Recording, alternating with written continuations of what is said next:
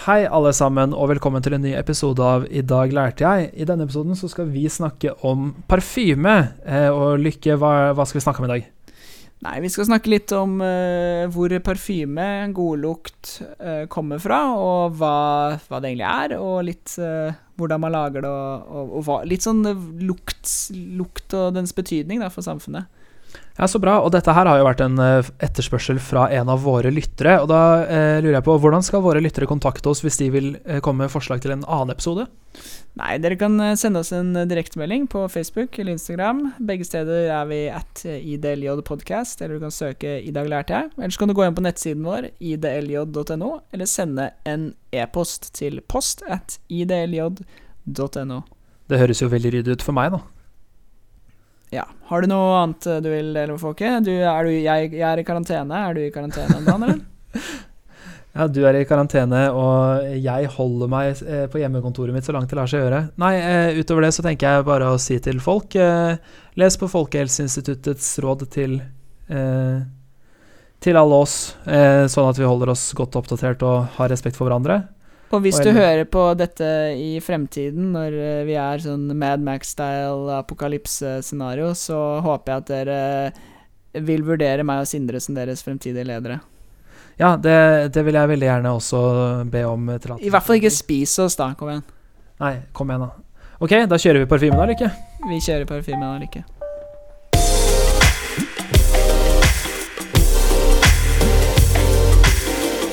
Da kjører vi på. Hei, alle sammen, og velkommen til en ny episode av I dag lærte jeg. I dag så skal vi endelig begynne å ta tak i det vi egentlig har drømt om fra begynnelsen.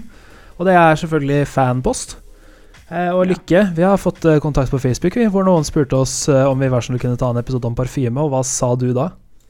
Uh, jeg sa det skal vi da få til. Uh, vi må bare Vi må bare researche litt, og det har vi gjort. Og det har jeg gjort også, og da, jeg føler meg egentlig ganske klar. Jeg. Eh, og mitt forslag vil være at vi starter med begynnelsen. Hva, hva, hvor var det liksom folk starta med parfyme? Eller skal vi gå enda et steg tilbake før der og ta hva er lukt? Eh, nei, altså Vi kan starte med hva er parfyme, tenker jeg da.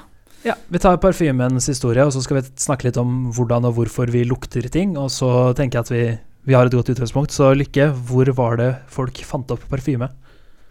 Altså, Vi kan jo først liksom prøve å definere parfyme. da Altså, Jeg kommer til å bruke et par av disse ordene liksom om hverandre. Altså, Parfyme, sånn som jeg har definert det, er på en måte godlukt. da uh, Altså um, oljer, uh, vann og typisk um, og, og, røkelse. da Altså ting som man på en måte har brukt til å skape god lukt. Altså Ordet parfyme i seg selv kommer jo fra um, latin, uh, perfumus, Um, derfor parfyme er såpass likt uh, ord i veldig mange språk.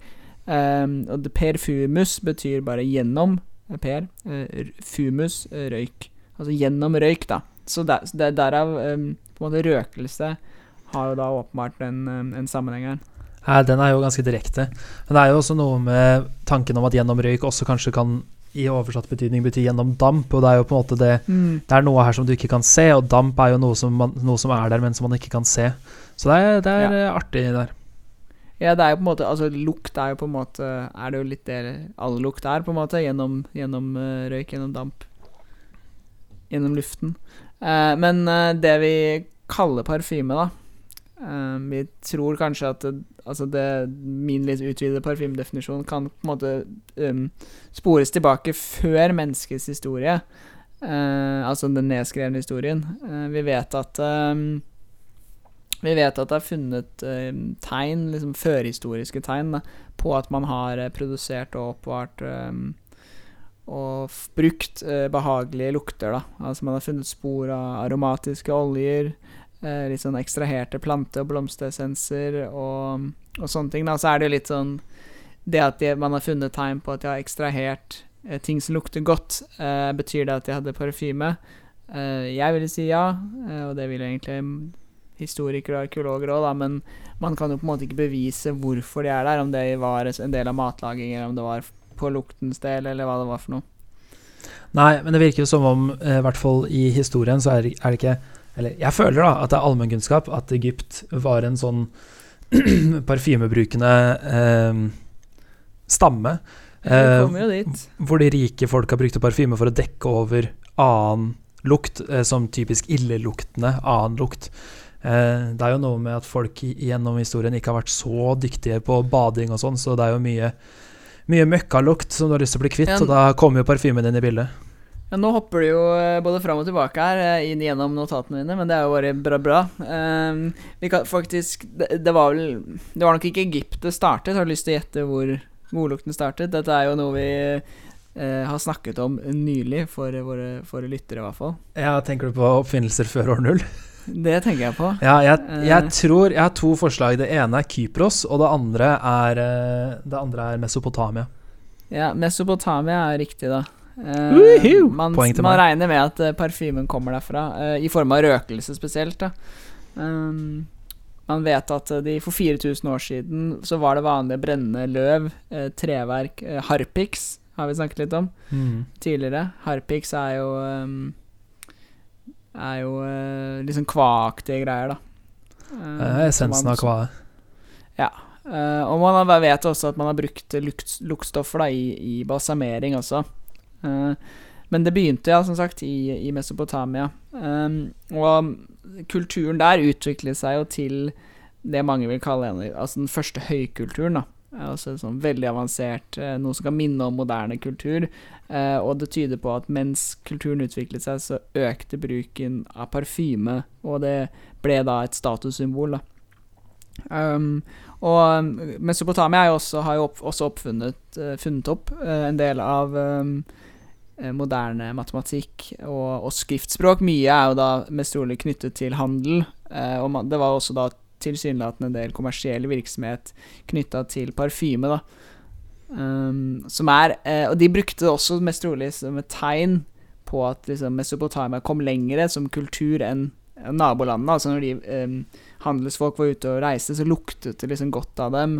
Og det kunne være sånn Wow, hva er dette for noe? Her kommer det noen folk som lukter liksom ikke dritt, da. Ja, nei, det virker som om det er det som er uh, greia. At uh, man kunne med parfyme også Det er en luksus da som kan skille Mm. mellom eh, de ulike leddene i samfunnet. Altså de lavere stående versus de høyere stående, hvor noen av de har råd til å bruke parfyme. Ja, og ikke minst uh, mellom kulturer, da. som sagt. Um, så hvis det kommer en ny kultur, og disse, dette liksom lukter bedre enn på en måte der du er fra selv, så tyder det jo på at Altså, du vet jo ikke hvor de er fra, men du kan liksom Det er et hint om at de er på en måte høyere utviklet, da. Ja, jeg vet ikke om utviklet høres ut som det er eh, Men jeg skjønner hva du mener. Jeg skjønner hva du mener. Ja, kulturelt eh, pirkete. utviklet, da. Ja. Um, men ja, så dette var jo da brukt som uh, signalisering, ja. Um, Det er jo jo- fortsatt en dag i dag, vil jeg si, da. Mm, det er det definitivt. Vi vet jo at det er, um, har vært en fullverdig, eller fullverdig kosmetisk industri i denne regionen. Uh, det vet vi både pga. arkeologiske funn, men også pga. Sk skriftlige kilder da, fra samtiden. Uh, og det er uh, også funnet et stort antall oppskrifter på forskjellige oljer og parfymer. Og, uh, ikke, og ikke minst beskrivelser av hvordan de ble brukt. da Som det tyder på at det ble brukt selvsagt i religiøse seremonier. Um, essenser, oljer Eh, røkelse har jo den dag i dag eh, som eh, bruk i både mm, eh, I egentlig alle religiøse tradisjoner, men eh, det ble også brukt da i dagliglivet, da, er det tegn på. eh, ikke bare blant liksom, den såkalte eliten, men, eh, men egentlig eh, ja, blant alle, da. Blant bermen også. Det er jo veldig ålreit. Ja, jeg, akkurat bermen, men i hvert fall liksom den gemene hop, Så jeg husker den. Ja. Uh, som jeg liker å si.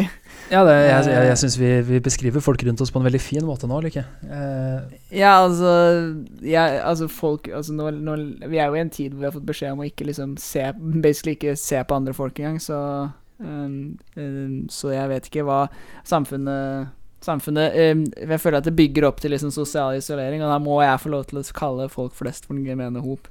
Ja, ja, det syns jeg er helt greit. Jeg Her jeg at eh, sitter med i mitt gylne palass i første etasje i Trondheim. Nei, jeg tenkte at For ordens skyld må vi jo nesten nevne at vi spiller inn dette her eh, 17. mars, og Norge er stengt. Eh, Ja, sånn, eh, sånn har det blitt. Så sånn så kan vi Eh, sitte her og lukte vondt, da. Det er jo en fordel. Ja, jeg har ikke dusja i dag, og jeg, en, sånn- jeg dusjer hver morgen. Så jeg, jeg har virkelig gått uh, nedenom og hjem. eh, Jeg er sammen, motsatt. Jeg, sammen med jeg er ikke sånn som nødvendigvis dusjer hver dag, men nå når jeg er i karantene, så skal jeg, skal, skal virkelig gå for det. Ja, nå, nå som ingen kan lukte deg ja, Eller du, du og jeg har jo begge samboer, så vi er jo ikke helt mutters aleine, men allikevel. Nei, eh, så, jeg, så jeg, jeg luktes, ja. Uh, uansett, uh, vi er i Mesopotamia, og vi flytter oss uh, med parfymen og i tiden til Egypt. Egypt arvet jo en del av tradisjonene fra Mesopotamia og Sumer og de områdene der. Eh, det vet vi jo. Eh, og ikke minst da parfymen. da Her ble den spesielt brukt i religiøse seremonier. Og mm, Ja, jeg har en fun fact her, faktisk. Eh, ja, De som jeg, som jeg har lest. Og det er jo at egypterne trodde at parfyme var solguden Ras svette. Mm. så det var jo virkelig religiøs overbevisning om at parfyme var noe du skulle ha på, ja. Mm, øh, og det er det jeg sier. Hvis, øh, hvis svettelukten din ikke er ille nok, ta en annen manns svette og øh, smør det utover kroppen. Ja, sant, sant. Uh, ja. Uh, nei da, uh, men eh, eh, egypterne fant jo opp, eller i hvert fall den tiden, fantes opp eh, glass. Eh, glass ble brukt til å lage de første par par parfymeflaskene. Eh, da er det her vi skal slenge ut ordet for parfymeflaske. Flakong. Ja, meget, meget. Jeg er usikker, det er derfor jeg var litt usikker, fordi jeg vet at parfymeflaskeglass i glass kalles for en flakong, men om de første parfymeflaskene utviklet i Egypt i glass kvalifiserer som fullblods flakonger, vet jeg ikke, men jeg kommer til å fortsette å bruke det, for jeg liker å si flakong. Nei, det er et veldig fint ord, og så tenker jeg at eh, igjen, vi gjør Språkrådet en tjeneste ved å hoste denne podkasten, som vanlig. Ja, vi er, vi er eh, Språkrådets eh, beste venner og verste fiender, føler jeg. Ja, det er ikke så langt unna ja. Nei, så i Egypt da, så tar parfymelaget enda et steg. Det blir mer avansert. Eh, her er det typisk prestene, da. Som eh, Typisk prestene. Typisk prestene som produserer og selger det. De har eh, laboratorier i templene sine. Og, og templene fungerer også som utsalgssteder for parfymer, oljer og essenser, da, som brukes i religiøse sammenhenger. Eh, noen kjøper det og donerer det rett tilbake eh, som en gave til gudene, på en måte. Eh, men det blir også som sagt da fortsatt brukt i det daglige, da. Eh, som gjør at det, teknologien rundt oppvaring av parfyme eh, spesielt da, blir videreført. Her bruker man ting som glass, elfenben, stein, til og med gull, da, til å lage såkalte hermetisk lukka urner og parfymeflasker for oppbevaring av disse, ja, disse oljene. For man vet jo at hvis man liksom ikke oppbevarer det riktig, så mister jo også da Mister jo lukten. Den siver ut. Eh, men den Ja, dag i dag så har man vel funnet eh, Man har funnet lukter som man har kunnet lukte i i moderne tid, fra den tiden, da, så lenge det har vært riktig Ja, da er jeg imponert over forseglingen. Det er veldig bra. Ja, også Ellers var det en veldig sterk lukt til å begynne med. Det er også et veldig godt poeng. Det er jo Ja, jeg, vi kan gjerne snakke om liksom hva slags type lukter og sånn som er brukt i parfyme også, men det tenker jeg vi tar litt seinere, for nå er vi jo midt oppi Egypt og egentlig liksom mye av starten på ordentlig moderne parfymerier. Ja, jeg ville si at uh, altså de um, Altså Mye av grunnteknikkene utvikles jo her. Um, og etter hvert så kommer det seg også over til Israel. Uh, vi vet at i Det gamle testamentet, som er den eneste kilden vi stoler på i denne podkasten, så snakker de om at uh, de tidligste jødiske prestene hadde lært seg parfymelaging da, fra Egypt. Og de, eh, man vet at det holdt høy status da, i det tidlige jødiske samfunnet og var veldig viktig i, igjen religiøse seremonier. da. Eh, og Jesus selv fikk jo røkelse og myrra i gaver, som kan tyde på at liksom Altså, myrra ble vel er vel også et, eh, et stoff som lukter ganske behagelig, vil jeg tro, men i hvert fall røkelse er jo også da eh, utelukkende brukt som parfyme. Da, og det, det at Jesus i Det nye testamentet får dette i gave, er jo et tegn på liksom den statusen det holder. Da. At det er liksom likestilt med gull og myrra, som vi alle vet er veldig verdifullt. Ja, altså Jeg går aldri en dag uten eh, en god knask myrra. Er det, er det en knask man sier? Jeg er litt usikker, men myrra er i hvert fall helt der, da. Og gull, selvfølgelig, som er litt lettere å ha et forhold til, tenker jeg. Ja, Ikke sant. I dag ville det vært uh, Hva ville vært uh, gull, røkelse, myrra? Det ville åpenbart vært gull. Det ville jo vært uh, Ja, hva er liksom Det ville vært gull, dopapir Dopapir og bitcoin. Det var akkurat det jeg tenkte! Veldig bra. ok. Nei, det, Eh, nei den Eh, moderne frelser for gull, dopapir og bitcoin. Jeg gleder meg allerede. Mm. Uh, nei, så det neste naturlige neste steg er jo Hellas, da. Hellas uh, respekterte jo kunst, vitenskap og skjønnhet mer enn uh, de fleste. De er jo også, Eh. altså Antikken selv altså, er jo også veldig kjent for å ha liksom eh, en kultur, en skikkelig kultur. Der hvor liksom Mm. tradisjon og tro har mye eh, å si for det daglige, det daglige virket, da, mer enn en del andre oldtidskulturer. Så i Hellas er det jo mange ting som har sitt utspring fra. Ja, de var jo Eh. også veldig, veldig opptatt av liksom sånn vitenskapelig Eller tidlig da, vitenskapelig metode, og veldig opptatt av å oppdage ting. Eh, så de, de var jo også da opptatt av å liksom perfusjonere parfymeoppskrifter. De mente jo faktisk at uh, parfymelagingens kunst kom fra gudene. Og en gjenganger i gresk mytologi er liksom det at eh, forskjellige gudinner og, og guder og sånn produserer eh, godlukter og velduftende stoffer, da. Ja. Det vokste seg også opp i Hellas en, en større parfymeindustri, eh, spesielt i Kreta og det området der. Og disse middelhavsbyene var jo viktige handelsstasjoner. Um, og det gjorde at um, både de som kunne lage parfymer, og også parfymene, etter hvert kom seg inn i eh, alle lag av det greske samfunnet. Og det ble parfyme tilgjengelig ved, ved de aller fleste markedsplasser. Da. Det var man, et, et eh, forbruksprodukt som man rett og slett bare kunne kjøpe på ja, om du vil, butikken. Eh, og mm, det tydes også på at kilder tyder på at de som produserte parfyme, eh, og da spesielt de som hadde egne parfymeoppskrifter, hadde en, en høy status i, status i det greske samfunnet. Ja, og det er jo sånn har det, altså det som er litt artig med, for meg da, som kjemiker med parfymeri og parfyme og sånn, er jo eh, veldig mange teknikker som vi fortsatt bruker i kjemien i dag, jo, har jo sitt opphav fra at folk eh, skulle lage parfyme. Parfyme har jo vært en statusgreie i ja, eh, hva blir det, 6000 år. Eh, helt ekstremt. Og det er veldig mange av de teknikkene som er brukt, både det å på en måte kunne lage glass, og det å kunne destillere ting, konsentrere ting, ekstrahere gode liksom, oljer og dufter da, fra naturlige materialer. Det er jo ekstremt mye her som har gitt sitt Altså gitt litt til eh, det som vi i dag har som ren kjemi, da. Det var nok Eh, det Altså, alkymistene levde jo delvis av å lage parfymer. Ja, flere av de gjorde det, og det, og det liksom er litt artig, er jo at eh, det å være liksom parfymemaker var jo kanskje det du gjorde for å få inntekt, og så var du hob Mm. på hobbybasis så var du kjemiker, alkymist. Ja, eh, prøvde å finne ut at, hvordan ting hang sammen. Så er det veldig mange vitenskapsfolk som også har drevet med eh, parfymelaging, fordi det er en Ja, det er på en måte et Det er et virke som krever litt innsats og forståelse, da, eh, mer enn en del andre ting. Så, og det, det at det også har blitt forbundet med status i så mange år, sier jo også litt om hvor viktig luktesansen er. Og Mm. lukt, hvor viktig lukt er for mennesker. Eh, som, altså, jeg syns jo det er litt interessant. Jeg jobber jo med fargestoffer. Det er jo, jeg tilfredsstiller jo en, en av de andre sansene med, med det jeg har jobba med på min lab i tida. Mm. Eh, lukt har vært en drivkraft lenge. Ja, altså det er jo eh, Det har vært mye, mye filosofering rundt, rundt lukt. Altså man vet jo Man vet jo um, at lukt er en av de sterkeste sansene forbundet med, med hukommelse. Eh, det vet jo Jeg tror alle, alle har vel en sånn rar lukt som på en måte folk flest kanskje ikke syns er så behagelig, men som av, av en eller annen grunn minner dem om et eller annet rart fra barndommen. Da. Jeg har jo i hvert fall det selv. Med, hvis jeg lukter liksom sånn muggsopp, sånn råte, sånn råte på en måte, så minner det meg om eh, et sted um, Et sted på hytta hvor vi hadde alle liksom badelekene våre. Ja, jeg, har jo samme greia. Uh, har uh, med liksom naturlig gjødsel. Det Mm. minner meg om hjemme. Veldig.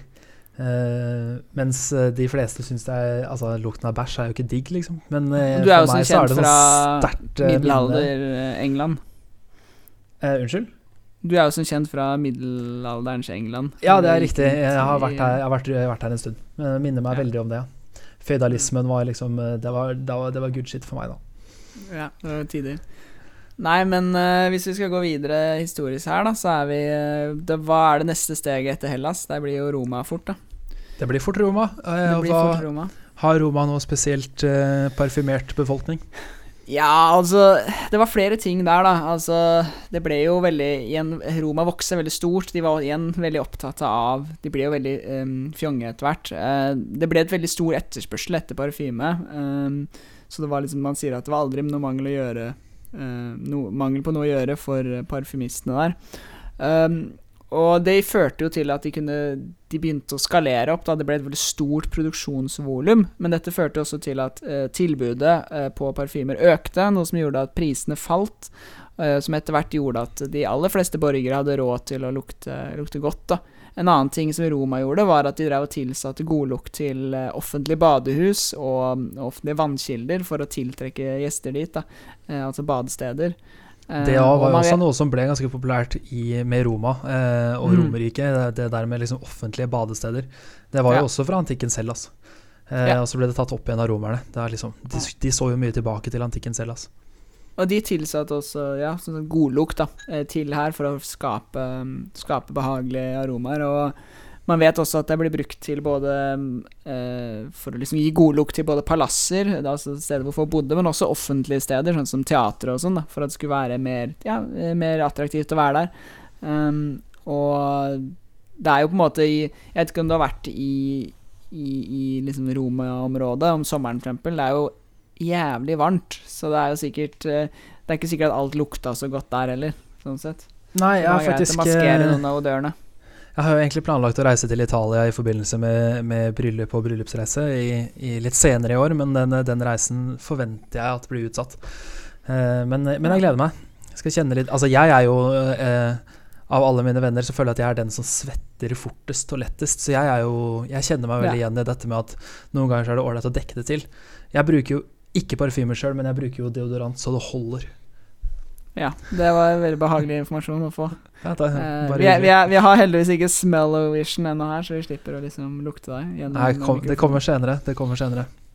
Kanskje hvis vi får sånn Patrion, så kan vi ha sånn at du kan lukte deg.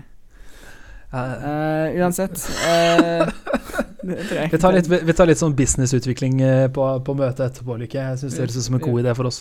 Det høres som en god bigeskjeft. Uh, nei, i romerne det ti- tilsatte lukt til alt mulig rart. De tilsatte det til, um, til vin, visstnok, også. Og så, også til dyr. Um, så de parfymerte dette dyrene sine. Og da, det føler jeg er tegn på at man på en måte begynner å nå toppunktet som liksom sånn klassisk kultur.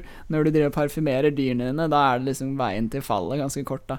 Ja, jeg føler også at det, sant, Du skjønner hvorfor TV er populært, når det man gjorde før TV var liksom å gå og eh, lukte på dyr. Ah, den dy, disse kuene lukta ikke noe digg, ass. Jeg lurer på om jeg skal parfymere de litt sånn jevnlig. Man, Ja. man begynte å få fritid på den tiden her òg, høres det ut som. Jeg gjorde det. Eh, de falt jo eh, Romerriket, da. At, eh, jeg skal ikke si det var fordi de drev og eh, parfymerte dyrene sine, men eh, det hjalp sikkert ikke. Så det gjorde at det neste, neste i rekken var på en måte det bysantiske riket, som etter hvert også utviklet seg stor kultur rundt, mid- eh, rundt eh, Midtøsten. Og eh, de der, eh, når, å, når islam kom, da, og de første muslimene der, De er jo veldig kjente kjemikere. Det er mye, Eh, mye kunnskap eh, fra de første muslimene.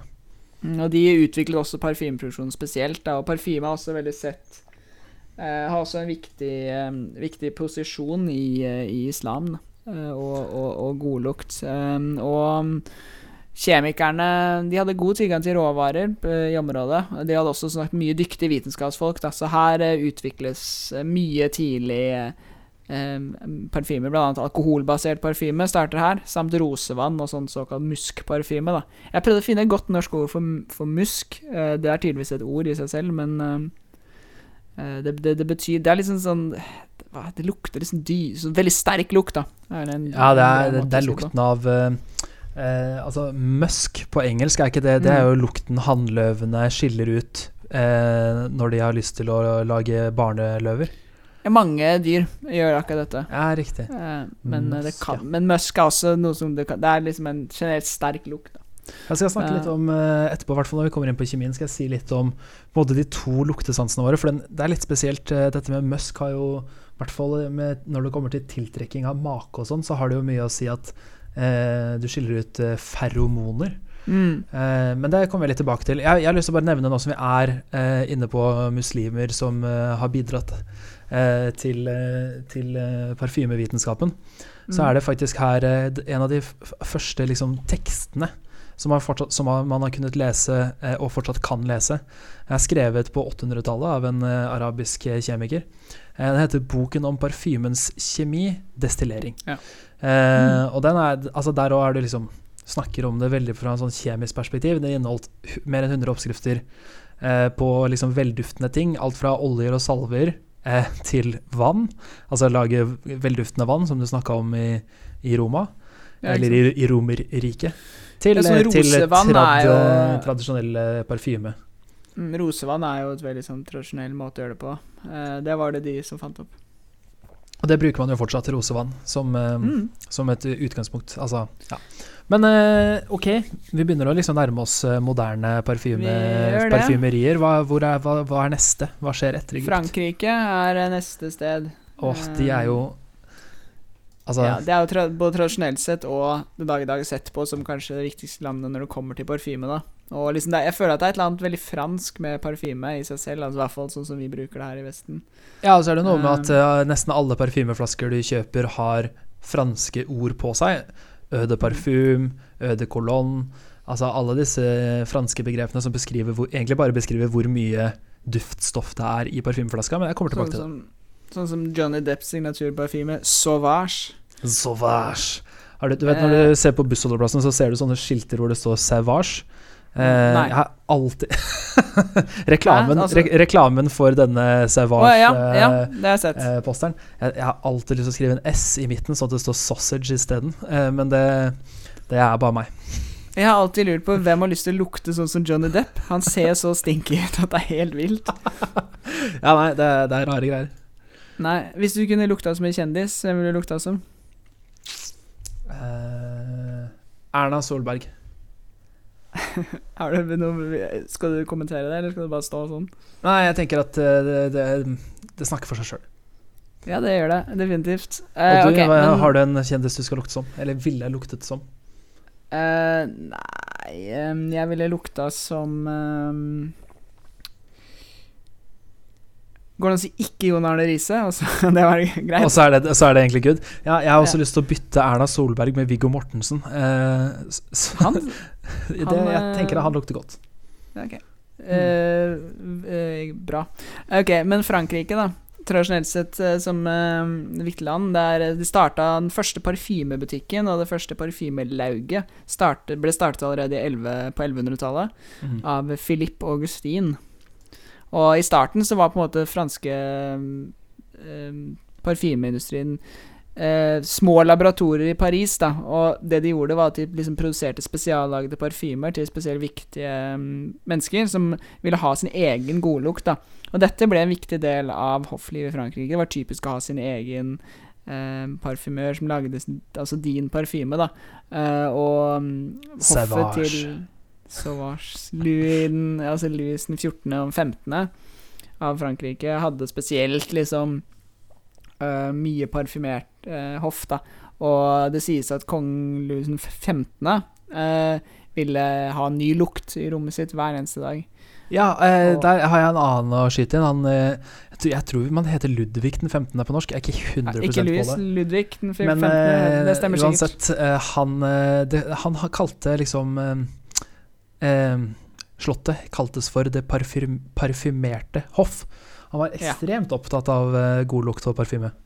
Mm, og det er jo litt sånn rykter om hvorfor. Altså, for det første, på den tida her så var det litt sånn Det, det, det å drive og ba, bade og vaske seg sånn var liksom sett litt ned på, for det gikk veldig mye sykdom, så folk var litt redde for å liksom vaske seg for mye. Eh, så var vi i, i, eh, i vann. Så du, folk lukta jo ganske Visstnok, det er ganske forferdelig. Eh, så man sier at parfymen ble brukt til å maskere ganske uheldige personlige lukter, da. Ja, og eh, altså, jeg, bare sier det. Jeg har ikke dusja i dag, og allerede så får jeg beskjed om fra min eh, Fra hun jeg deler huslån med, eh, at, eh, at jeg lukter mer. Det, det skal ikke mye til. Så kan du bare se for, deg, se for deg hvordan det ville vært hvis du eh, som regel unngikk vann. Eh, Ja. Unngikk å dusje, fordi det er liksom sykdom og skummelt. Det er rare greier. Det er ikke, det er ikke helt ideelt, da. Eh, men, nei, det, det er absolutt nei. ikke ideelt. Og da skjønner jeg jo Og- at parfyme blir business. Ja, ma- men markedet for luksuriøse parfymer forsvant veldig kjapt. Uh, fordi at det kom noe som het den franske revolusjonen. Uh, og det førte til flere ting. For det første så drepte de jo veldig mange av eh, de som var forbrukerne av luksusparfyme. Og sikkert også de som lagde dem, som da også var på en måte, om ikke adelige, i hvert fall litt høyere opp i Ja, jeg, samfunnet. tror, jeg tror det er høy status på den tiden. Ja, og problem, et annet problem er jo at hvis du var adelig på den tida, så var, ble du jo veldig gjerne drept um, med giljotin. Um, og en veldig tydelig tegn var at du brukte parfyme, så det ble jo i praksis dødsstraff for å bruke parfyme, for da, det var, ville, de, da ville de på en måte Ville være veldig lett å henrette deg, da. Ja, nettopp. Um, uh, ja, fordi det er jo Jeg tror det er Gandalf som sier det, hvis du noensinne er i tvil, følg nesen. Men jeg Ja. tror ikke han eh, mente at det var det mm, liksom den gemene hop skulle gjøre for å finne ut hvem de skulle henrette. Men, men det er jeg ikke helt sikker på. Det er, det er, noe, det er noe visdom der, i hvert fall. Um, i, uh, altså, men det tok seg opp igjen, den eh, parfym, parfymegreia. For at når Napoleon kom til makten så Ah, var ja, han, eh, Napoleon var en parfymert mann. Ja. Definitivt veldig parfymert, sies det. Uh, og det ble jo da også igjen mote i resten av Frankrike. Da. Og da vokste det opp denne store, robuste parfymeindustrien som vi har den dag i dag. Og det sies at kona hans var så glad i sånn muskparfyme at uh, 60 år etter hennes død lukta det fortsatt ganske tydelig parfyme i, i rommet hennes. Jeg, jeg bare sier det, det er mitt mareritt. Uh, jeg, altså, sterk parfymelukt er noe av det verste jeg veit. Jeg, jeg, får- jeg syns det gjør vondt i nesa, liksom. Men, Det eh, er men, eh, men ja. eh, jeg har også lest en fun fact om Napoleon, om at han gikk gjennom en eh, 60 flasker velduftende oljer og parfymer i løpet av en måned. Og det er ja, det, det jeg også. helt vilt. Ja, da, det er ganske mye Altså, det var ikke liksom Det var 60 flasker her, ikke sant? Altså sånn Da, da, da er det mye Ja, og jeg bare, jeg bare håper da at uh, selv, om, selv om vi vet at parfymeindustrien på dette tidspunktet var ganske god, så håper jeg at eh, liksom duften var svak. Fordi det, altså, Ja. å ta en halv flaske parfyme på seg den dag i dag, det er jo eh, Da lukter hele nabolaget, da. Men alternativet er jo, er jo den andre lukten, da, altså av liksom eh, menneske og liksom avføring. Altså gammel Og sykdom. svette, avføring og kjønnsorganer. Det lukter jo ikke godt, heller. Så det, finne en gyllen middelvei der, tenker jeg. Da er vi i boks. Eh, Ja, jeg tenker men, også, eh, jeg er også altså, Av alle liksom, tidspunkter å leve på, da, det er noen som klager på at eh, jeg ble født for sent for å oppdage verden og for tidlig for å oppdage verdensrommet, men vi er ganske gode på hygiene. Ja, det er vi faktisk. Faktisk. stadig, stadig mer. Eh, det er stadig mer fokus på det. Eh, men nei, i Frankrike så er det en by som heter Grasse, G-R-A-S-S-E. Som Jeg håpa du skulle ta den opp. da, for internasjonal parfymeproduksjon. Det har vært siden 1724. Og siden den dag i dag produseres veldig mange viktige råstoffer for parfymeindustrien der. da og de, Parfymeindustrien er fortsatt basert på klassiske metoder som er liksom utviklet, utviklet liksom i Ja, i, eh, i renessansen, eh, i, i tidlig eh, Arabi, Arabia Sånne ting, da. Og den, den har jo på en måte Man bruker jo også noen moderne teknikker, og liksom den siste Eller ikke nødvendigvis den siste, da, men hvis du snakker om liksom historisk parfymeproduksjon, så kan man jo på en måte si at en stor siste milepæl kanskje var i 1921, da Chanel slapp Chanel nummer fem, som var den første parfymen som utelukkende brukte syntetiske ingredienser. Ja, og så er det jo Chanel nummer fem er jo fortsatt veldig kjent. Det er jo, det er jo Ja. Det er som Coca-Cola. Folk kjenner igjen bare på navnet, liksom. Ja. Eh, og den er jo Ja, det syntetiske, syntetiske parfymer og ikke-syntetiske parfymer er jo på en måte Vi kunne tatt det opp som et stort tema i dag, men jeg tenkte jeg ikke skulle gå inn på kjemien der, fordi i bunn og grunn så et, søker man til samme resultat. da. Nei, det, så det var, det var jo eh, historien bak parfyme. Altså, det har jo blitt eh, Som sagt, det har vært- litt opp og ned i, i popularitet, men det har på en måte jevnt over vært, vært til stede da, i, i spesielt høykulturer. da Høykultursamfunn så har det ja, Jeg har også hørt noen Jeg husker jeg leste en gang om at vikingene visstnok var veldig opptatt av liksom å være velstelt og lukte godt og sånn. Eh, men jeg må innrømme at jeg har rett ikke klart å finne den kilden nå. Det er derfor jeg ikke har snakket noe om, om Altså det å finne om noe om Norges uh, parfymehistorie er- viste seg å være ganske problematisk, spesielt med tanke på at biblioteket er stengt. Eh, Ja, for det som er litt artig med akkurat Norge, da, er jo i hvert fall med, med renslett og sånn, så har jo Norge i årtusener bodd langs kysten. Eh, og, og saltvann har jo blitt brukt til å bade i, men ikke til og, Altså bade i og matlaging, men ikke til drikking, ikke sant. Og Ja. derfor heller ikke eh, hatt noe, noen sånn Ikke noe direkte connection til sykdom, på samme måte som eh, vann hadde i Roma, da. Eh, eller i Frankrike, for den saks skyld. Så, I Paris. Så det er noe Mm. med å bo langs kysten som jeg tror gjør at man hadde tilgang til å bade oftere, og derfor også lukte vesentlig bedre. Eller eh, mindre, da, bare lukte mindre. det kan godt hende. Det, det er ikke noe data på, men eh, det høres eh, logisk ut. Ja, men da er det altså i, i bunn og grunn, da, parfymens historie starter i oldtidens Mesopotamia og slutter og er fortsatt i Grasse, eh, denne store franske byen, eller en liten fransk by som først og fremst driver med parfyme. Stor uh, parfyme Hvor mange innbyggere tror du det er i Gress? Uh, nå kutta du helt ut der, Lykke. Jeg hører deg ikke. Hvor mange innbyggere tror du det er i Gress? Uh, nei, jeg vet ikke. Jeg har- ikke sjanse. jeg. 100 000. 50 000, men uh, Ah. det var ikke så langt unna. Det er en ganske liten by da i, eh, i internasjonal målestokk. Ja, altså hvis du går inn på Hvis du søker på internett eh, 'The capital of perfume', så er det grass. Grass, grass, grass overalt. Mm. Men eh, nå må vi snakke litt ja. om eh, Sorry, bare for å komme tilbake til ett av året. Vi har jo en del temaer vi tar opp mye her. Eh, bare for å um, komme tilbake til et av de. Eh, Grass har ca. akkurat like mange um, innbyggere som eh, Moss, en annen by som er kjent for lukten sin. Bra, Lykke. Det, det, er humor, det der. Det er Eh, sant, da. Ja, det er veldig sant. Moss er jo kjent for lukta si, og så gikk jo Petterson konkurs, så nå er det jo ikke noe Mosselukt eh, på den måten lenger. Eh, men, men ja, det er noe som jeg og Lykke husker fra da vi var yngre. Eh, Mosselukta var ganske intens. Eh, men, eh, men nå må, jo, nå må vi jo gå litt inn på, på, på lukt, fordi lukt er jo en av eh, ganske få sanser vi mennesker har utvikla. Eh, og mennesker og alle andre dyr Eller, har jo utviklet Får- sansene sine vi har jo en del Vi har jo ganske mange sanser, men jeg skjønner hva du prøver, prøver å hinte til. Jeg prøver å holde det litt lett og ledig. Eh, men, men vi har jo noen sanselykke, og, og sånn som alle Mhm. andre dyr, så har vi utvikla de primært for å overleve. Eh, og Ja. så sa du i stad at eh, lukt er veldig sterkt knytta til hukommelse. Eh, mm. Så hva det, hva, hvorfor har vi liksom utviklet lukten? Hva, hva er det vi bruker lukt til for å overleve? Nei, altså For det første så vi, bruker man det jo til um, Til å på en måte lukte om noe er giftig eller råttent. Altså Det er jo en del lukter som på en måte Spesielt rø råte, da. Um, Ja, det er jo en del Råtne egg som er jo Det er jo få ting som lukter verre enn det. ja, Det er jo en del lukter som bare gjør at vi blir kvalme, og det er jo ofte fordi at hvis vi hadde spist det, da, så hadde jo i utgangspunktet ikke det vært bra, med unntak av noen liksom veldig spesialitetsretter, da. Mm. Og så er det, og så er det sterkt knytta til hukommelsen, så det er jo også viktig å huske på steder. Eh, farlige lukter, altså sumper, giftige sumper og Mm. sånn, som har gasser som ikke, som ikke vi tåler. Eh, har vært viktig. Og så, er, altså, henger jo lukt og smak veldig mye tettere sammen enn enn det vi har antatt i mange år. Eh, lukt og smak Ja. henger jo så tett sammen at uh, uten lukt så finnes det nesten ikke noe smak igjen. Eh, og det er litt artig. Mm.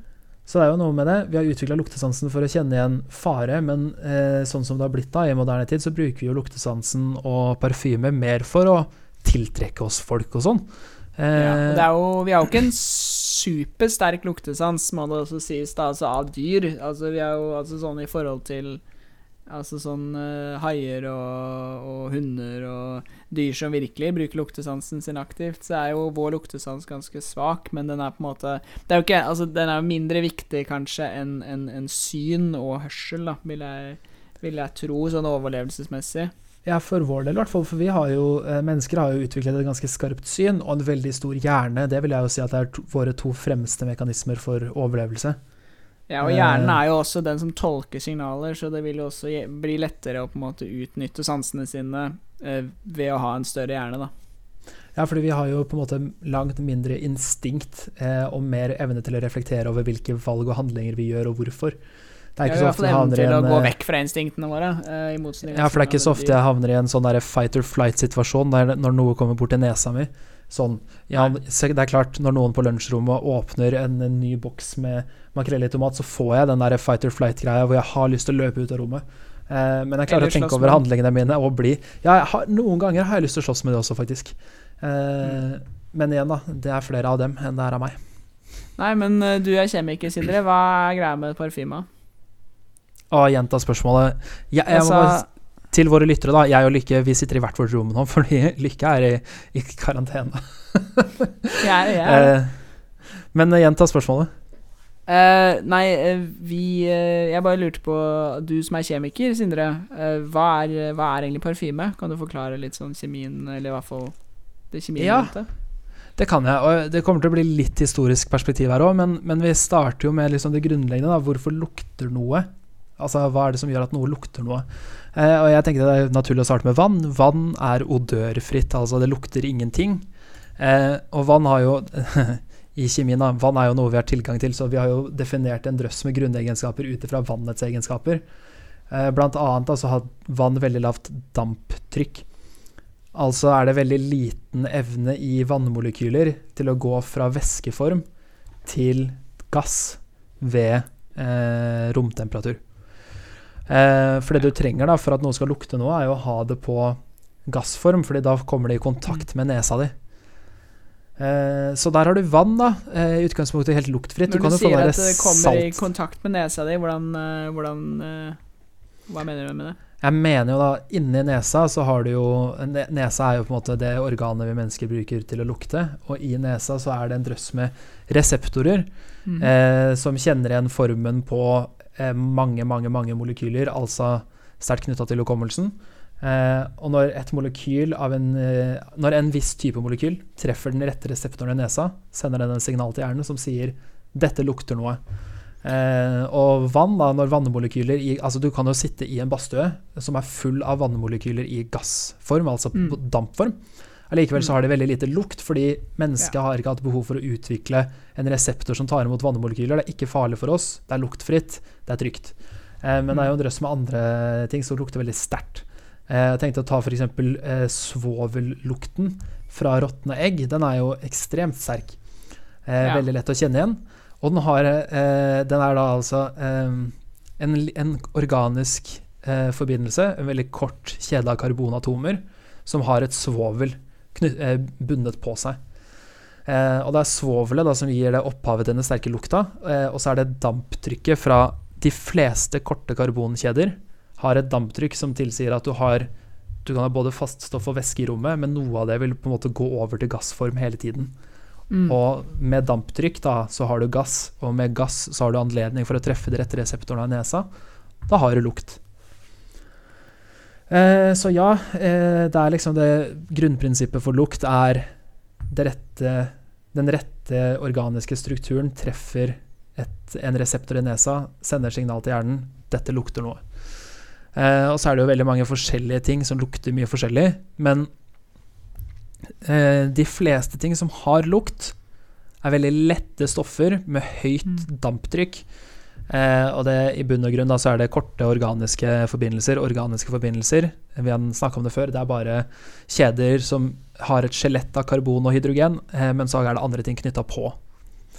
Eh, og så er det jo faktisk litt sånn at når du begynner å studere kjemi, så, eh, og når du har kjemi på barne- og ungdomsskolen, så kommer du Mm. borti noe som heter aromatiske stoffer. Eh, og aroma, det er jo lukt. Mm -hmm. Så aromatiske stoffer, de inneholder en seksring, altså en ring bestående av seks karbonatomer. Eh.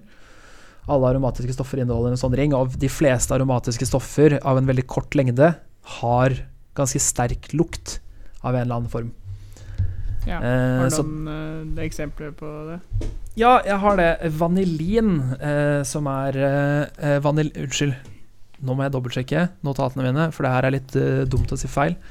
Men vi kan ta eh, bensin, da. Bensin har ganske sterk lukt. Ja. Bensin har en ganske sterk og gjenkjennelig lukt. Eh, det, er, eh, det er bensen som er den seksringen i bensin. Så det er Mm. mange navn som minner litt om hverandre her. Og det er mye aromatiske stoffer med korte, korte karbonkjeder med høyt damptrykk. Bensin har jo også helt, har jo en helt annen egenskap, og det er jo at den kan eksplodere hvis du kaster ild på den. Eh, og det, det henger litt sammen, og vi skal snakke om det i en annen episode. Faktisk. Men ja, jeg tenker eh, Nå har jeg bare babla i vei jeg, om hvorfor ting lukter noe eller ikke. Er det Føler du at det kom liksom ut i klar, klar tekst? Ja, altså det, det som skjer, er vel at altså For det første så har du på en måte hvordan luktmolekyler sprer seg i et rom, er jo på en måte bare effekt, en effekt av det man kaller um, uh, Altså, det er jo et veldig grunnleggende Grunnleggende liksom eh, fysikkonsept, da. Um, Ja, det er jo Det er en regel som jeg har lært fra Parks and Recreation. Og det er at en, en gass vil Der all god kjemi kommer fra. En gass vil fylle det rommet den er i. Eh, så hvis du har noe som lukter noe, så vil det spre seg, finfordele seg i lufta og hige etter å på en måte fylle hele rommet der. er. Da. Ja, for det er Eh. bare entropi i praksis, egentlig, er det ikke det? Jo da, det stemmer det. For de som vet hva det er. Men eh, det betyr jo egentlig bare at du har luktmolekyler, luktmolekyler i likhet med mange andre gassmolekyler, da, men luktmolekyler er jo spesielle fordi vi kan lukte dem, så vil, de, så vil det liksom Ja, det vil fylle liksom det den, det beholderen det er i, da, om den beholderen er et rom eller hva det er, um, ganske kjapt. Og inni nesa di så vil Altså, lukter er jo ofte komplekse, det er ofte flere ting. Så vidt jeg leste, så vil det si at hjernen din opererer, nesen din opererer på en måte at den først på en måte skiller luktene, og så slår dem sammen, da, altså luktmolekylene, til en lukt som bare blir den gjenkjennelige lukten. For lukten av eksempel, um, for eksempel varm pizza eller noe sånt, da vi er jo mange lukter oppå hverandre. Yes, men det, er, Eh, men men det er veldig mye forskjellig der. Men det er jo det når du tar en pizza ut av ovnen, så kjenner du lukten av å, pizza. Ikke sant? Og det er da Det er jo da mange for, Det er ikke sånn ett, det er ikke ett sånn pizzamolekyl, det er litt mange molekyler som sammen danner en, en sånn um, en, fe- Et felles minne, da, kan du si, eller en felles liksom um, en Felles blanding som Den blandingen, når den kommer inn i nesa di i riktig rekkefølge, vil da oppfattes av hjernen din som pizza, da, fordi at du vet på en måte at dette er pizza. Ja, for det, er litt artig. Nå kommer jeg inn på noe, som kommer tilbake til liksom parfymeindustrien. da. Eh, Mm. men, men jeg tror det, det er ganske vanlig for oss Vi, vi kjenner alle til eh, at folk som er vinkjennere, heter sommelier. Eh, Eller somalier, som jeg pleier å si. Men, eh, men eh, Mm. poenget er at de har, de har jo trent til å kjenne lukt og smak på vin for å skille de fra hverandre. Det finnes noe lignende for eh, odør, og det heter nese. Eh, og, det, og en trent nese kan skille mer enn 2000 forskjellige odører fra hverandre. Og jeg tror ikke jeg har sjanse til det. Jeg tenker Når jeg lukter pizza, så lukter jeg pizza, men jeg tror når en nese lukter pizza, så lukter de tomatsaus, kanskje litt ost, kanskje noe skinke, eh, noe fettsyrer Altså, jeg mener eh, Det er jo, som du sa, det er en kompleks og sammensatt eh, lukt. Ja, folk lukter jo Det er jo veldig, veldig individuelle forslag. Altså, jeg personlig har jo litt sånn dårlig luktsans. Jeg sliter jo med å lukte noe som helst, egentlig. Men, eh, men jeg har jo en venn som kan lukte hva slags parfyme folk har på seg, på andre sida av gata. Og han kan eh, Og han er sånn Den personen har på seg den parfymen. Å, Eh, såpass. Ja, jeg har sett det i praksis. Det er ganske imponerende. Vi- Men visste du at NASA har en, en sånn luktefyr som må lukte på alt før det går ut i verdensrommet? Hvis, ikke, Nei, hvis han syns det lukter liksom Hva er hensikten? Nå spør du vanskelig, men jeg vet iallfall hvis han sier nei, eh, så går det ikke ut i verdensrommet. For da er det tydeligvis en eller annen forurensning som han plukker opp, da. For det skal være helt sterilt, ikke sant. Stilig. Ja, det Mm, syns jeg var skikkelig gøy. Han, han, han tar sånn tester hele tida hvor han skal identifisere en hel haug av stoffer, og hvis han feiler på én, så mister han jobben, og han har liksom hatt jobben veldig lenge. Uh, stilig. Han er en veldig en av Han er vel kanskje, om han ikke er den beste nesa, så er han en av de mer kjente nesene da, i verden. Ja, det er gøy. Ja, og jeg må bare ta skyte tilbake igjen. Vanilin, definitivt akkurat den strukturen jeg tenkte på. Det er en seksring av karbonatomer med ulike strukturer plassert på. Det er et kort, lite molekyl. Eh, og vanilin er jo, som, eh, eh, som dere kanskje skjønner fra navnet, eh, lukten og smaken av vanilje. Eh, og lukten og smaken sier jeg med vilje fordi det henger tett sammen. Vanilin er jo både en, en Altså vaniljesmak er jo en veldig sterk smak, men har jo også en kraftig lukt. Eh, og det kan, eh, hvis du tar bakepulver og vaniljesukker ved siden av hverandre, så tror jeg du lukter vaniljesukkeret, eh, mens bakepulveret må du lete etter. Det må du ta helt opp i nesa alene for seg sjøl, for det er en my mye mildere eh, lukt, om den har Om det kan kalles lukt i det hele tatt. Og det er også Mm. handler om den aromatiske strukturen da, midt inni eh, vanilin, som gir, gir den et damptrykk som gjør at den har mye lettere for å gå over på dampform, og derfor tilfredsstiller kravene for å kunne bli lukta da, av oss folk med ordinære neser. Mm, men eh, vet du noe om eh, hvordan liksom parfyme produseres, eller hva man går etter, og hvordan? Ja, jeg kan ta litt, eh, litt fra historisk. da. Det er i hvert fall to hovedkategorier, sånn som jeg har sett det. Hvor den ene er røkelsebasert. Eh, hvor det er på en måte lukten kommer av å brenne røkelse og brenne noen få stoffer som kommer inn i den røkelseskategorien. Eh, og den andre er å få velduftende oljer blanda i vann, eller eh, i hvert fall nå alkohol, eh, for å liksom spre, spre den velduftende lukta i lufta, sånn at du får den parfymeeffekten. Ja, og du har jo noen sånne um, Altså faste også, da. Litt sånn litt, sånn, litt faste stoffer som også gir parfyme. eh, lukt. Eh, det var også noe eh, Jeg tror det var eh, araberne som begynte med det, å lage sånne, sånne faste parfymestoffer. Det gjorde det også veldig lett å transportere. Ja, og det er jo litt artig, fordi ting som er altså faste stoffer som kanskje har liten eh, lite lukt som faststoff, men som, hvis du løser det i alkohol, så får du veldig kraftig lukt. Det er ganske vanlig i industrien. At du Mm. konsentrerer noe ned på fast, eh, fast form for å frakte det. Og Det er også noe eh, de arabiske gjorde tidlig. Det er jo noe som heter ambra, som er en eh, Som er et faststoff som dannes i tarmkanalen hos spermhval. Eh, ekstremt kraftig lukt, og det lukter visst helt forferdelig i seg sjøl. Men når du liksom bruker det som et tilsetningsstoff i parfyme og, og bare nedkonsentrerer det, så er det bare en eh, liksom luktforsterker, da. På samme måte som vi bruker Mm. salt på maten vår for å få mer smak. Så Mm. bruker du ambra i en del parfyme for å få mer lukt, da. Som gjør at lukten Mm. sitter og varer lenger. Hm. Eh, og, og hovedkomponenten av ambra er eh, kolesterol. Så det er litt Ja. artig. Men ja, eh, ta litt om det, da. Eh, det er jo eh, sånn som destillering. Destillering er jo eh, I utgangspunktet så bruker du destillering for å skille væske fra væske. Men i liksom parfyme, sånn som jeg har lest om det og prøvd å forstå det, eh, så tar du f.eks. roseblader. Og så putter du det du tar, du tar en hel kurv med roseblader og så putter du det oppi et eh, fat med masse vann.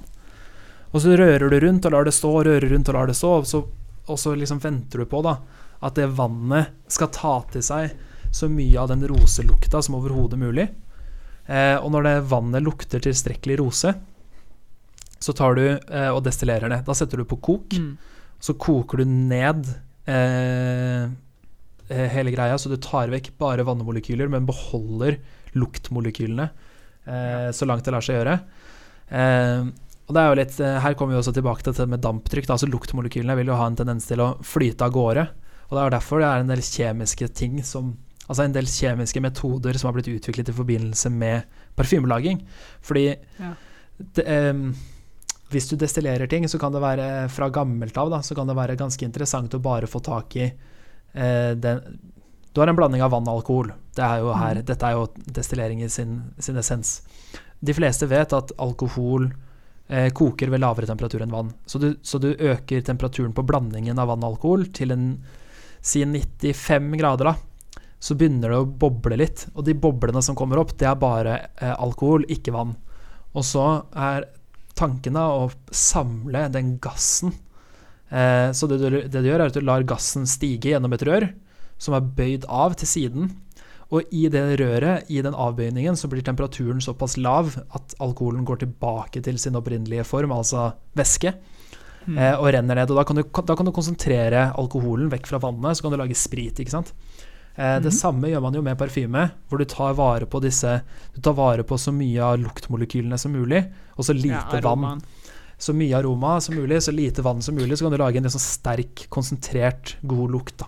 Men da er det i vann, da. Gjerne hvis du gjør det på den måten, så vil du fortsatt ha vann, men du vil bare ha vann med mye mer Ja, lukt og mindre vann. ikke sant? Mye lukt, Altså, lite vann, og så er Eller det er fortsatt mye vann, men det er liksom mye lukt også. Ja, og så er det etter det igjen, så vil du, eh, så langt det lar seg gjøre, da, eh, blande det I dag så vil du blande det ut med alkohol. alkohol Ja. Altså vanlig alkohol, fordi det, en, det har bra damptrykk. En god måte å spre lukt på. Eh, og alkohol også, er også mm, et godt løsemiddel da, for en del av disse stoffene. Eh, når du har lagd parfyme, Lykke, så eh, Og så er jo alkohol sterilt. Alkohol er sterilt, som også kan Så du være vil veldig ikke få praktisk. masse uh, stink Du vil ikke, du vil ikke bli råtne, liksom. Altså hvis du har Hvis jeg ser for meg hvis du har vannbasert parfyme, i hvert fall hvis det ikke er oppvart spesielt bra, så må det være muligheter for at det kan vokse litt sånn uh, sopp og mugg og drit der. Det vil jeg tro. Mm. Det vil jeg tro. Og så er det Det, det er mitt eh, felt. Jeg, jeg, jeg, jeg går ut og sier at det skjer, jeg. Ja.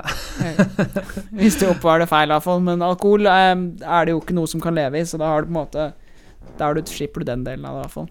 Ja, da bør det være good. Men så har du jo da eh, nå, har du, nå har du på en måte gjort denne greia. Du har destillert ned roseblader og vann. Eh, du har tatt vare på eh, essensen her. Så du har nå en, Mm. en sterk eh, du, har liksom en, du har en flaske, oppi den så det, har du en veldig sterk lukt av roser. Lukter nydelig.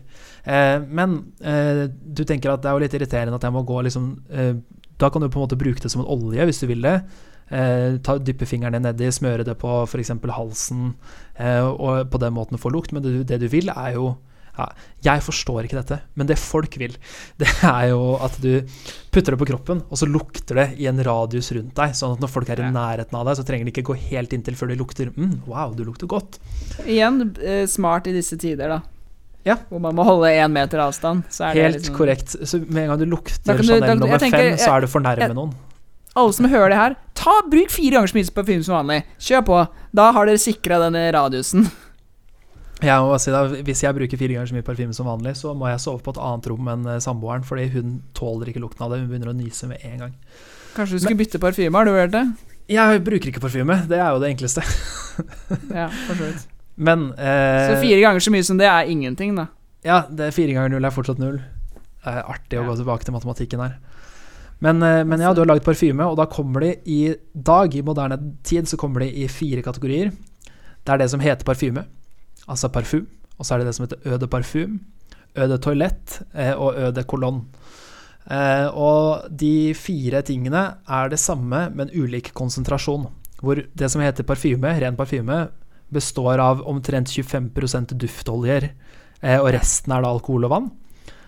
Mens altså Øde de parfym 15 duftoljer, Øde toalett 10, Øde kolonn 5. Så lenger ned på lista, eh, svakere konsentrasjon. Eh, og det handler ikke om at f.eks. som jeg trodde, da, at Øde kolonn var for menn og Øde de parfym var for kvinner. Det, var, det er noe jeg trodde. Det viser seg å være helt feil. Ja, eh, men hva, hva, er det, hva er poenget med disse forskjellige konsentrasjonene? Er det bare fordi at man ikke alltid vil ha så mye? Ja, og så er det noe med hva, hva kan du selge det som, da? Høy konsentrasjon av duftoljer gir også langvarig lukt. Eh, så den er jo mer eh, dyr eh, fordi den har høyere konsentrasjon, og så anses den som mer luksuriøs fordi lukten sitter i litt lenger, da. Ja. Eh, som, som jeg syns er litt interessant, fordi av disse her så syns jeg jo den øde kolonnen som var sånn 3-7% duftoljer, er den jeg kunne vurdert å tenke meg å kjøpe. Så ja. Ja, det er jo Eh, da eh, Er jo opprinnelig eh, fra, fra Köln. Ja. I, i Tyskland. Kölnisch Wasser er det originale navnet på Eau de Cologne. Jeg vil egentlig at folk skal si Kölnisch Wasser i stedet. ja, det skal jeg prøve Eller å hvert fall- begynne på å si, for det er mye gøyere. Köln. For Köln er jo bare det tyske ordet for Cologne, altså byen. Ja. Så sånn sett så kan vi egentlig bare si det. Eh, men eh, ellers var alt du sa eh, riktig. Spot on. Det håper jeg. Og så er det jo, nå kommer jeg inn på noe som jeg, jeg, jeg hinta at jeg skulle si noe om det tidligere, så jeg må jo ta det. Eh, og Mhm. det er at i, i dag så bruker også en del eh, parfymeindustrier eh, tilsetningsstoffer som er ikke tradisjonelle duftoljer, og ikke liksom aromastoffer, men Mm. feromoner. Eh, og du som kan litt mer biologi enn meg, Lykke, hva er et feromon? Altså Nå er ikke jeg, nå er ikke jeg noen ekspert på det, her, men så vidt jeg forstår, så er vel et feromon et stoff som eh, en organisme kan skille ut for å um, I utgangspunktet Altså for å på en måte signalisere til en annen organisme hva de vil. da Altså Tradisjonelt sett så ser man jo på det som at man vil tiltrekke seg en partner, men så vidt jeg forstår, så kan vel feromoner også brukes til å skremme folk vekk, det ser jeg for meg. Men feromoner er i hvert fall i utgangspunktet da utskilte stoffer som er, eh, skal signalisere til omverdenen på en måte hva du, hva du eh, vil, da. Hva de vil, hva de vil. Uh, men ja, det er noe der. Hva de vil er forresten en, Luktbasert kommunikasjon, kan vi kalle det. Ja, Hva de vil er en uh, tittelen på en gammel ukerevy. så er, som er min fun fact. Men ja, eh, feromoner er jo stoffer som eh, ja, Jeg kjenner liksom ordet feromoner mest fordi jeg er interessert i bier.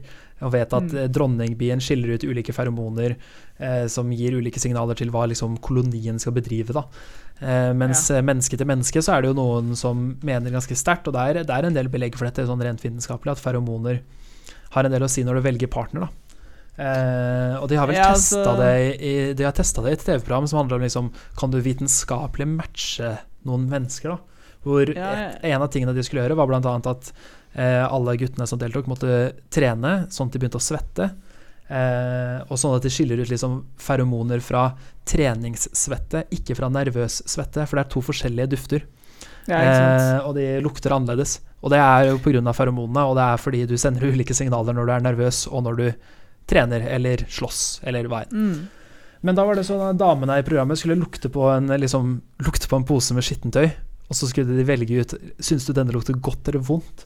Og da Hvis det var det NRK-programmet, så var det bare én dame. Det var kanskje bare én dame. Jo, det stemmer. Eh, det, det har du helt rett i. Eh, og da lukta jo hun på alle de ulike posene og bare Wow, denne her lukter jo helt forferdelig, og den naboposen lukter jo faktisk godt. Og da mener Mm. man at det er jo en subjektiv eh, greie for å matche Ja. ulike folk. Altså um, For å si det sånn jeg, forresten, uh, Definisjonen av feromoner er rett og slett bare en, um, en såkalt um, sekrert uh, Altså en sånn utskilt uh, kjemisk faktor som, som framproduserer en sosial respons i medlemmer av samme art. Eh, men det jeg skulle til å si, var at ja, det, er- det, er, definitivt noe sånn Det der med, med, med luktpreferanser er jo riktig, og det spiller blant annet en viktig rolle inn i såkalt um, Inn i um, incest um, respons, eller hva det heter. Det heter uh, in, Jeg tror det heter Det heter incest Nå Nå skal ikke jeg si det for mange ganger på rad, merker jeg. Uh, ince, incest eh, avoidance på engelsk, da. Uh, som egentlig som, Det er noen gener som man, uh, som man Man har ikke helt, skjønner ikke helt hva greia er, men man vet at Man vet at mennesker skal kunne lukte seg til hvem man er i familie med. Og Ja. de, vil ikke, de vil ikke lukte sexy, da. Nei, de vil, eh, de vil gi fra seg en lukt som du syns er kanskje litt kvalmende.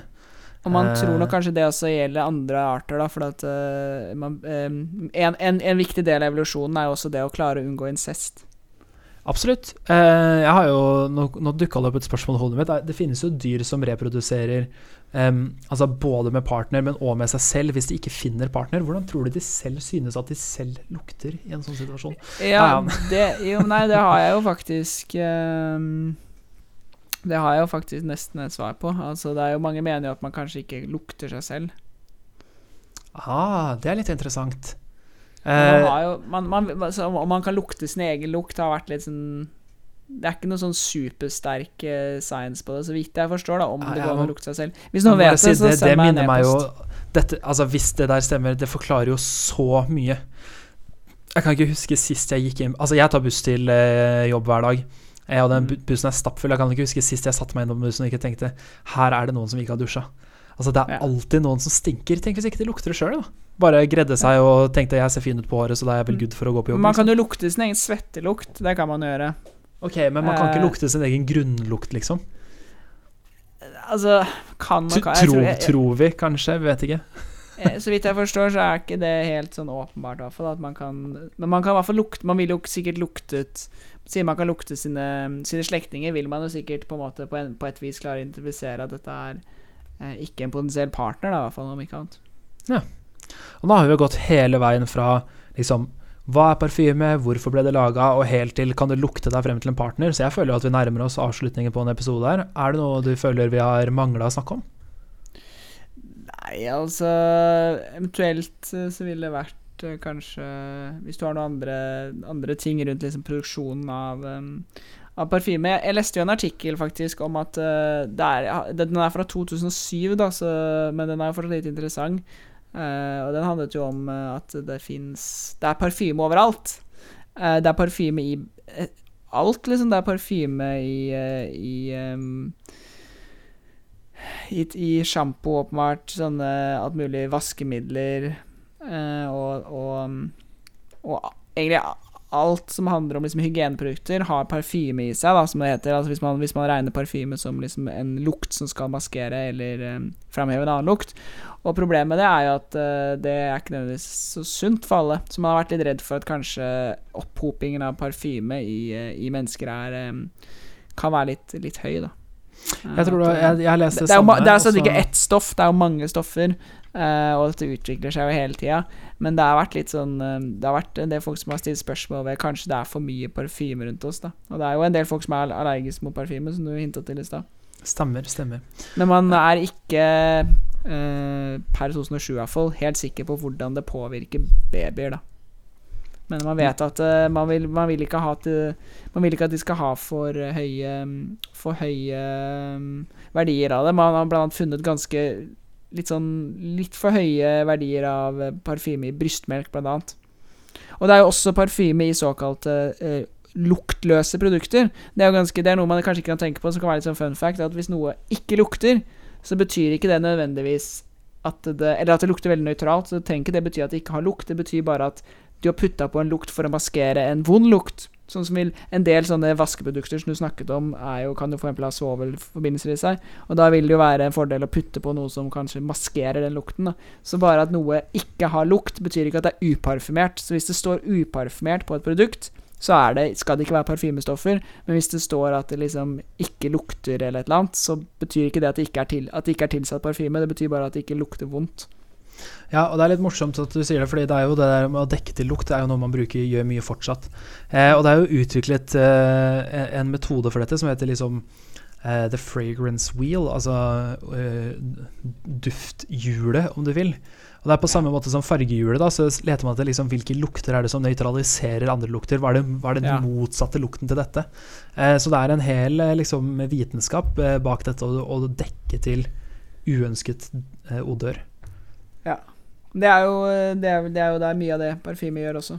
Så det passer bra. Ja, og nei, du spurte meg jo helt sånn på tampen her Er det liksom noe mer jeg burde legge til om på en måte fabrikkering og sånn av parfyme.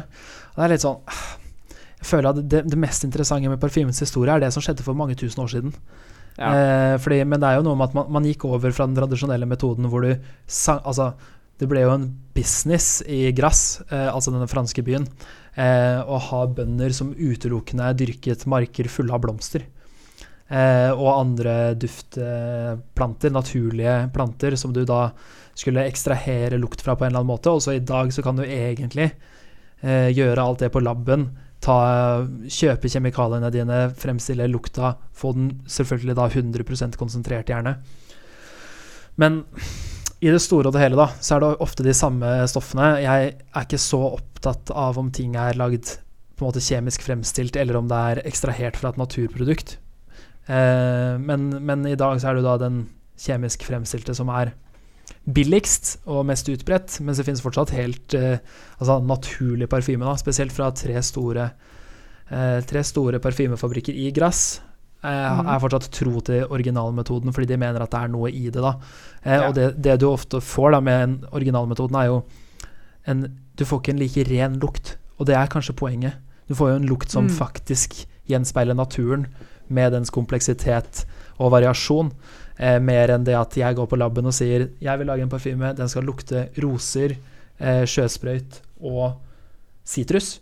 Eh, hvor man da på laben så kan du jo på en måte ta tre ulike Det molekyler. som, som- det, det høres ut som du har lyst til å lukte som stranden. Ja, det er klart, hvem vil ikke lukte som stranden? Mm. Eh, men du kan ta liksom tre molekyler, sette de sammen, blande dem de med vann og alkohol. Til de som tar den uh, 90-tallsreferansen. Ja, det, det er Seinfeld, ikke sant? Det er Seinfeld. Den er god, ass. Eh, men ja, I smell like the beach. I smell amazing. Eh, det er noe der. Men eh, du kan Skal ta de tre molekylene, eller du kan gå ned på stranda eh, og liksom samle planter eh, Planter, sand, sjøvann, destillere det, prøve å ekstrahere lukt på den måten. Det er noe i det, i hvert fall. Lukt er, Ja, ja. lukt er en stor industri, og det er noe med, det er noe med liksom hva er naturlige lukter, og hva er syntetiske lukter. Altså Mm. menneskelagde, kjemisk fremstilte lukter. Ja, det viser jo ikke noe eh, Det er jo fortsatt eh, Populariteten er jo like høy som den alltid har vært, og det er jo når mer og mer av verden blir mer og mer um, industrialisert, så kan man sikkert tro at det ikke kommer til å roe seg ned med den industrien. Men uh, jeg vet ikke, jeg vet ikke om, du om du vet om det er noe utvikling i liksom sånn Om det har blitt mer og mer av mer syntetisk, mindre naturlig, eller om det har kommet en litt sånn renessanse, litt sånn som vinylen har kommet tilbake. Det er sånn hipstergreie å bruke liksom uh, classical uh, fragrances. Det, jeg må bare si det, jeg er liksom ikke med på popkulturen parfyme. Det, er- det er, den, den er jeg ikke nok i til å si Du noe er om ikke det. i, Men, i, i parfymeloopen. nei, men det jeg vet litt mer om, det er jo Astma- og allergiforbundet i Norge. Du er utafor lukthjulet. Ja, det er riktig. Men Astma- og allergiforbundet de mener jo at eh, selv om man ikke kan liksom påvise det direkte i dag, så er det en del ting som, som du nevnte om at overdreven bruk av parfyme er også det som gjør at vi utvikler eh, hudplager og, og parfymeallergi fra det. Eh, og man på en måte er litt redd for at ja, som du sier, altså kanskje det kommer en renessanse på at mer naturlige lukter og litt renere, ikke så konsentrerte dufter blir brukt mer da, Mm. enn ja, i hvert fall for meg så er liksom mormors eh, kraftige parfymeduft er liksom Ja, det er en lukt jeg kjenner igjen, og det er en lukt som jeg forbinder med noe positivt fordi det var mormor, men det er også en lukt som jeg syns i seg selv er ganske frastøtende. Mm, Kraftig, mm, er- syntetisk parfymelukt, liksom. Og det er jo heller ikke liksom um, Det er jo ikke sikkert at det er noe sunnere med naturlig parfyme, det vet ikke jeg noe om, men sånn, det er jo eh, det er, det er viktig å ikke falle i en felle om at liksom alt som er naturlig, er sunnere enn det som er syntetisk. Nei, for det er jo det jeg egentlig sier, da. At, eller det er, jeg mener i hvert fall det. At uh, målet med å syntetisk fremstille disse stoffene er jo å lage nøyaktig de samme stoffene som du kan Mm. ekstrahere naturlig, men hvis du syntetiserer de, så får du kun det stoffet og ikke noe annet. Så Ja. det er jo et argument eh, på, på syntetiske parfymers side ved å si at der vet vi nøyaktig hva som er i det. Mens, mens på naturlige parfymers side så kan du jo si inneholder ekstrakt av vanilje. Og det kan jo Ja. være så mangt. Eh, hvis, du, Men, hvis du ekstraherer vanilje, så er det jo ganske sannsynlig at du også har ekstrahert noe fra en maur som levde inni en av vaniljebuskene. Altså, ja. Særdeles sannsynlig er det, vil jeg si. ja, det er, altså, det er nesten utelukkende Det er nesten Nei, utelukket det er at mest ikke du har maur i eh, vaniljeessens. ja, Faktisk øde, ø, øde parfym maur er noe jeg er interessert i. Ja. Nei, skal vi gi oss der? Vi må gi oss der. Ok, Lykke, hva er det, hva er det mest interessante du har lært i dag? Eh, nei, jeg lærte at uh, det har vært uh, parfymeindustri i kanskje 6000 år, og at det har på en måte vært, vært noe som har på en måte blitt en naturlig del av ethvert um, enhver høykultur da, opp gjennom historien. Ja, og jeg har lært noe som jeg syns var overraskende og litt interessant. Det er at parfymemakere har jo mye mer med kjemi å gjøre enn det jeg selv visste. Eh, og jeg har jo egentlig Jeg vil nesten si at jeg føler meg litt snytt av eh, mine, samtlige av mine liksom, kjemiprofessorer og lærere på videregående som, som ikke har fortalt meg om dette tidligere. For eksempel Kanskje de visste hva du syntes om parfyme? Mulig. Men F.eks. dette med at destillasjon eh, kanskje først og fremst ble utviklet og brukt av parfymemakere, eh, før på en måte det ble brukt i all annen kjemi. Det syns jeg Ja. var litt interessant. Ok. Og så lærte jeg også. Jeg må- også si at eh, din, eh, din fun fact om at NASAs nese eh, sier nei til ting som skal ut i verdensrommet, det også var veldig gøy. Ja, Ok, jeg liker det. Hvordan, eh, hvordan føler du deg nå? Lukter du godt? Jeg lukter helt greit. Eh, Jeg har eh, ikke nødvendigvis eh, koronavirus, eh, covid-19-sykdom.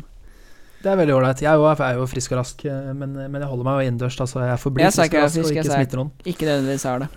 Nei. Jeg utelukker Eh, ingenting.